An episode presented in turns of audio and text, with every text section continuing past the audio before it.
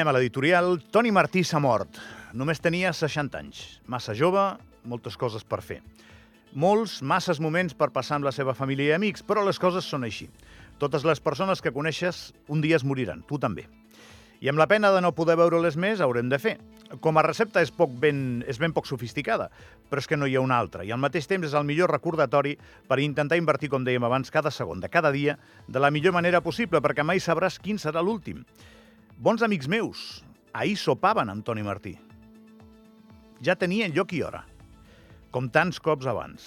La mort et visita quan li dóna la gana i no hi ha apel·lació possible, no, no hi ha partit de tornada. No remunta això, és així. El que hauran de fer els que ahir havien quedat per sopar amb el Toni és tornar-ho a fer sense ell, perquè és el que demanda la vida, seguir gaudint del que tenim.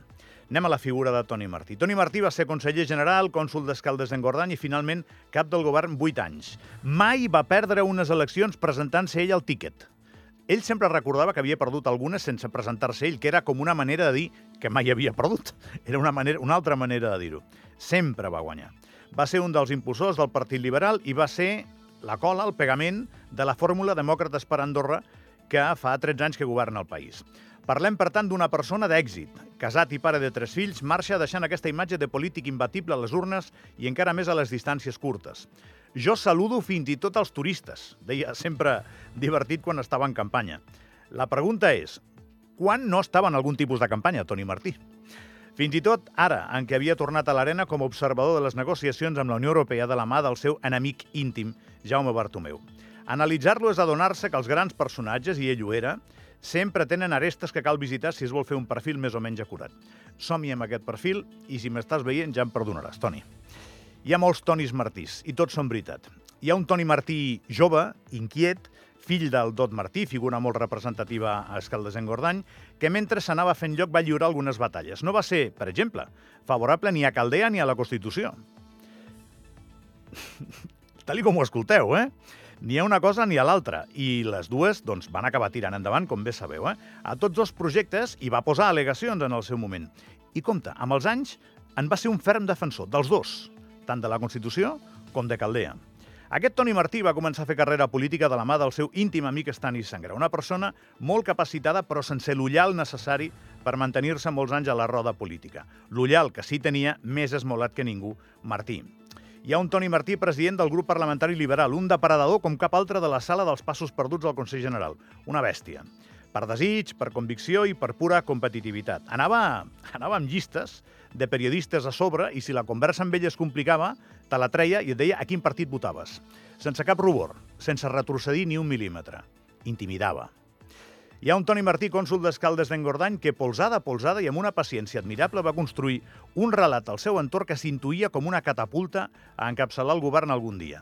El relat va matisant la duresa del personatge incorporant això que dic, matisos innegables, d'ajudes socials i d'empatia amb els necessitats.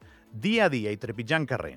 Fins a arribar a un punt en què el seu capital polític no cabia, directament no cabia dins del seu partit de l'època, el Partit Liberal. Hi ha un Toni Martí que, venint d'una tradició de dretes, es presenta a les eleccions liderant un artefacte de centre anomenat Demòcrates per Andorra, que va ser ideat per impedir com fos, i ho va aconseguir, que Jaume Bartomeu tornés a guanyar les eleccions. Martí va ser escollit amb 22 consellers de 28, una victòria mai vista aquí. Hi ha un Toni Martí que va aconseguir convèncer Jordi Cinca, Ladis Baró i Vicenç Mateu d'abandonar els seus somnis de ser caps del govern, per seguir-lo al seu projecte i ajudar-lo amb ell a ser-ho. Aquesta tasca només està a l'abast d'algú amb molt carisma, visió, lideratge i capacitat de seducció. Sempre. La seducció. Hi ha un Toni Martí que es troba ja sent cap del govern al problema de la BPA i acaba adoptant decisions per les que no hi havia manual d'instruccions. La història les jutjarà, però no es pot negar que eren inèdites i molt complicades. Aquest tema marcarà completament l'ecosistema dels seus mandats perquè queda enfrontat amb una família, el Circo, que se senten enormement agreujats i que engeguen una campanya de desprestigi de Martí, també inèdita a Andorra, i a proporció amb els enormes recursos d'aquesta família. Hi ha un Toni Martí que, fet el tom a tot l'anterior, entén que Andorra ha de caminar cap a la Unió Europea i també que no pot quedar aïllada a la inversió estrangera. I fa via. En algunes coses amb un libreto amb molts matisos socialdemòcrates i d'altres liberals. És un Martí madur políticament, però no tan feliç com el dels primers anys. Les responsabilitats afecten un caràcter que pels seus col·laboradors directes no és fàcil. Ser el primer home del país no és senzill i té un preu personal. tot i que siguis un enamorat del teu país i de la política.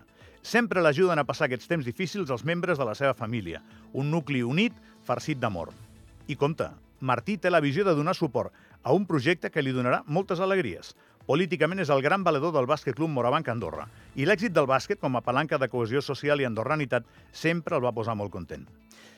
Hi ha un Toni Martí, ja veieu que hi ha molts Tonis Martís, hi ha un Toni Martí que escull Xavier Espot com a successor i que s'enfada una mica, dic una mica, però igual no va ser una mica amb ell, quan pacta amb els liberals en el mandat anterior aquest, perquè ell recordava que els liberals no li havien fet passar gens bé en el trànsit pel tema BPA. La tentació d'intrigar hi és, però aquest és un Martí més atemperat.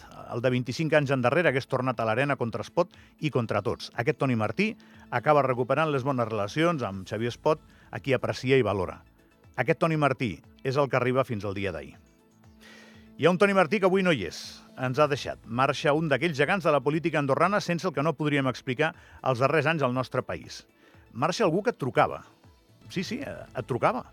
I no calia que fossis el president d'un banc o una figura de, de gran calibre social. Ell agafava el telèfon i et trucava, si sentia que t'havia de dir alguna cosa.